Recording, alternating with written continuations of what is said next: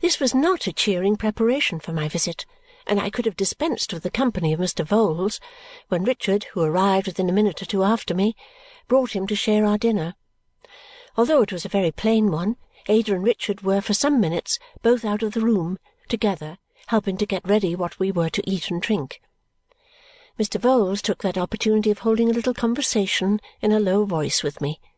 He came to the window where I was sitting and began upon Symond's Inn. "A dull place, Miss Summerson, for a life that is not an official one," said Mr. Vholes, smearing the glass with his black glove to make it clearer for me. "There is not much to see here," said I. "Nor to hear, miss," returned Mr. Vholes.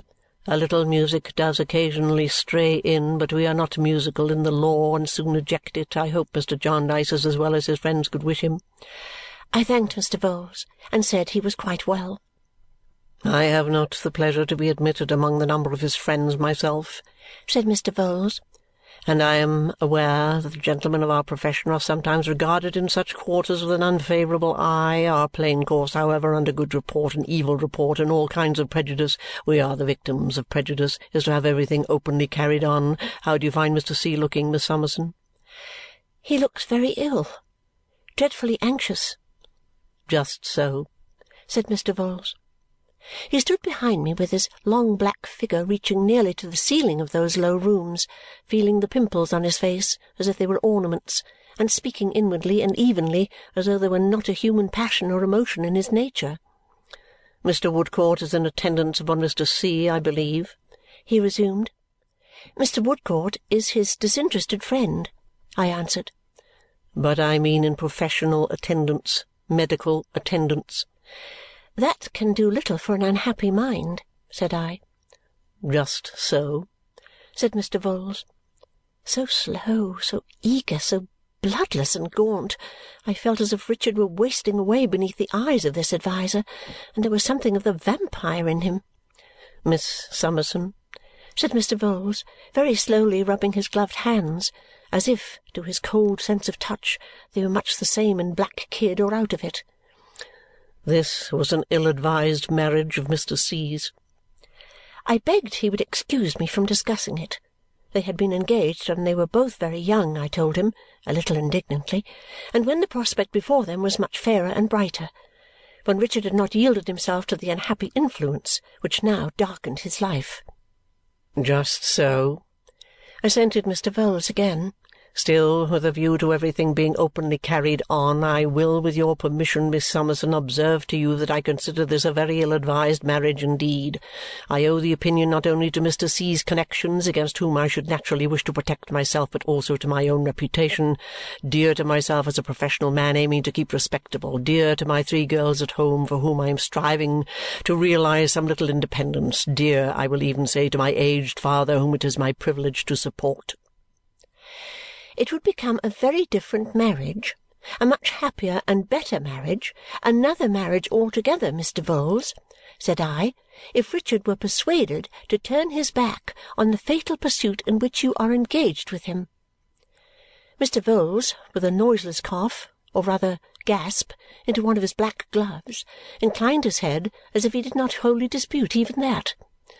"Miss Summerson," he said, "it may be so and I freely admit that the young lady who has taken Mr. C.'s name upon herself in so ill-advised a manner you will, I am sure, not quarrel with me for throwing out that remark again as a duty I owe to Mr. C.'s connections is a highly genteel young lady.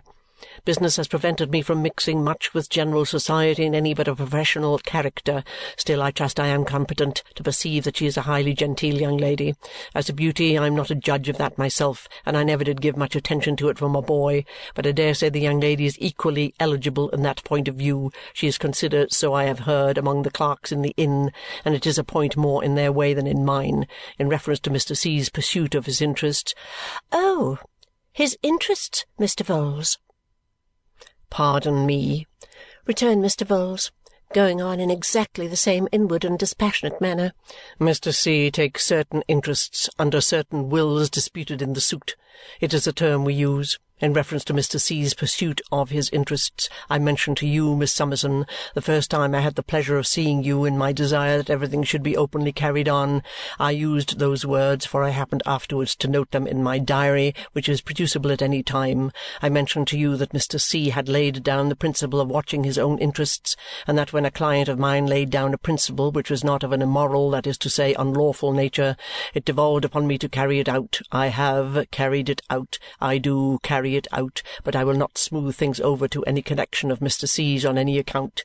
As open as I was to Mr. Jarndyce, I am to you. I regard in the light of a professional duty to be so, though it can be charged to no one. I openly say, unpalatable as it may be, that I consider Mr. C.'s affairs in a very bad way, that I consider Mr. C. himself in a very bad way, and that I regard this as an exceedingly ill-advised marriage.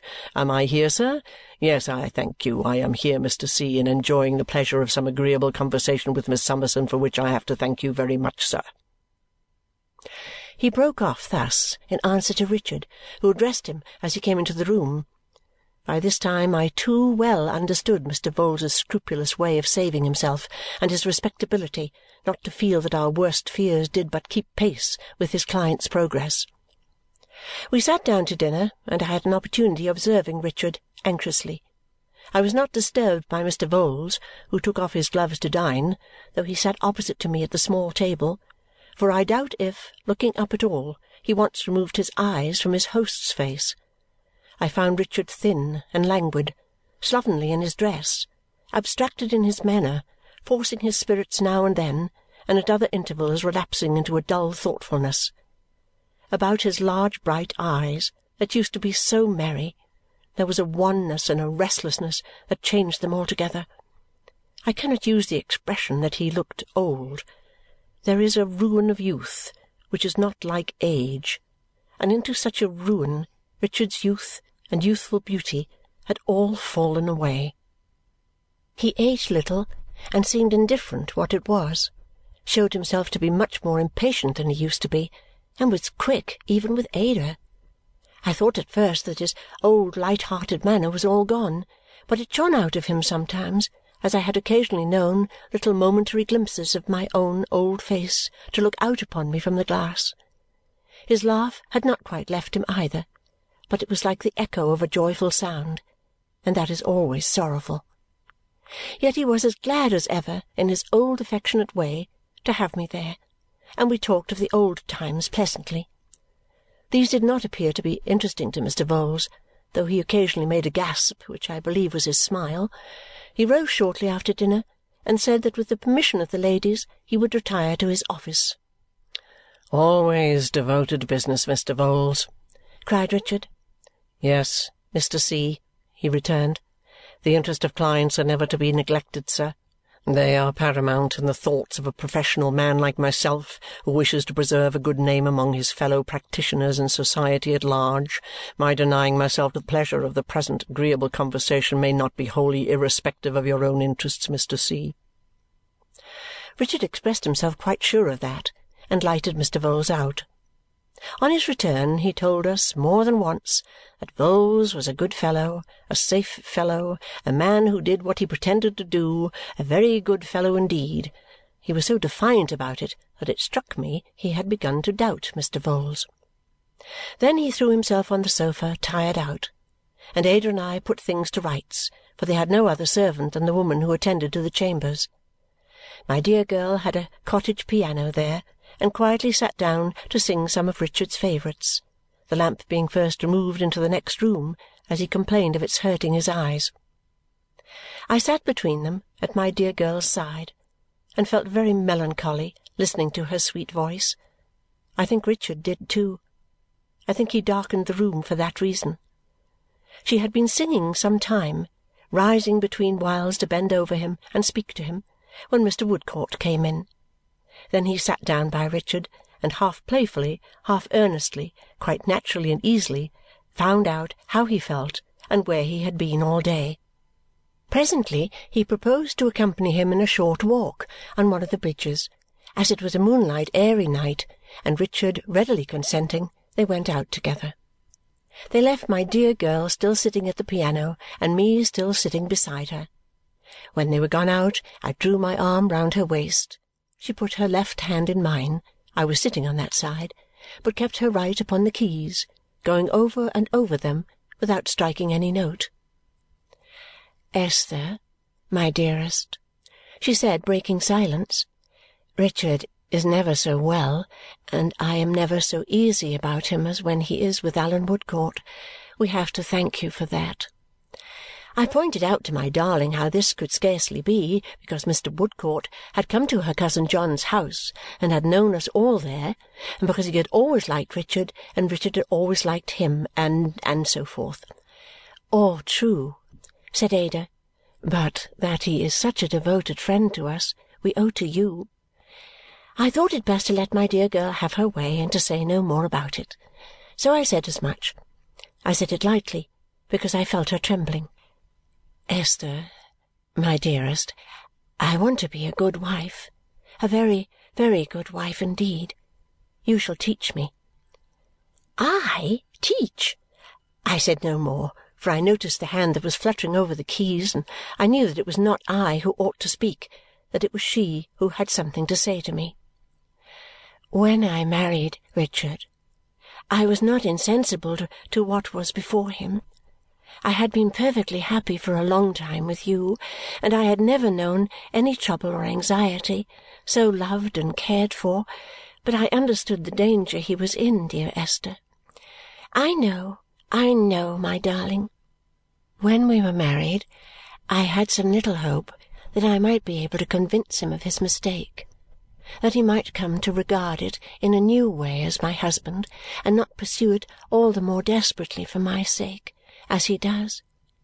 But if I had not had that hope, I would have married him just the same, Esther, just the same.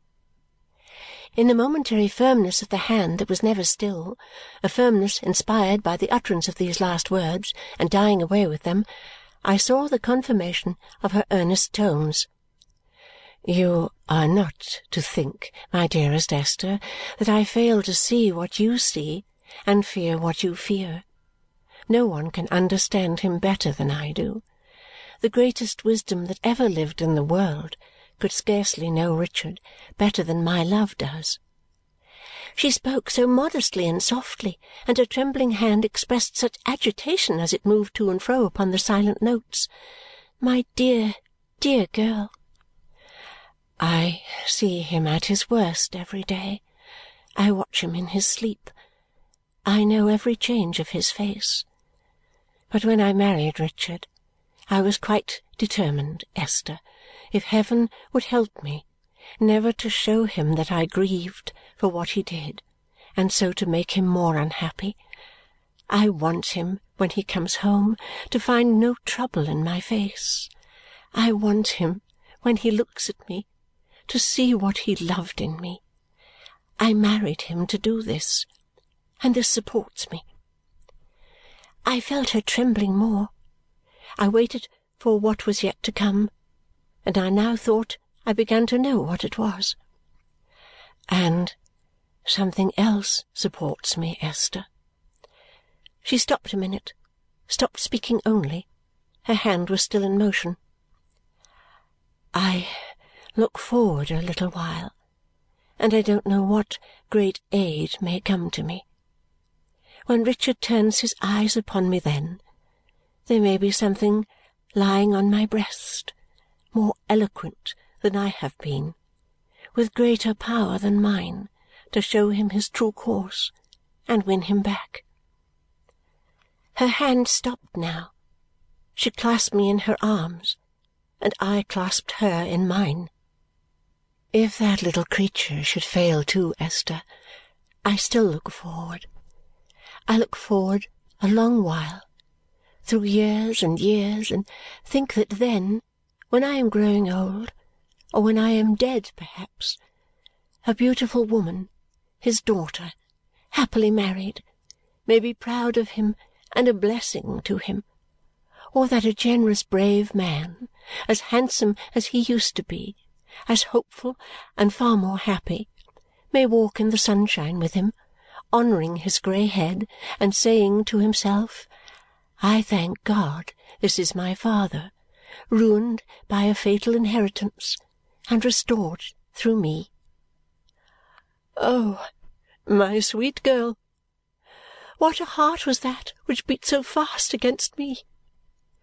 These hopes uphold me, my dear Esther, and I know they will, though sometimes even they depart from me before a dread that arises when I look at Richard.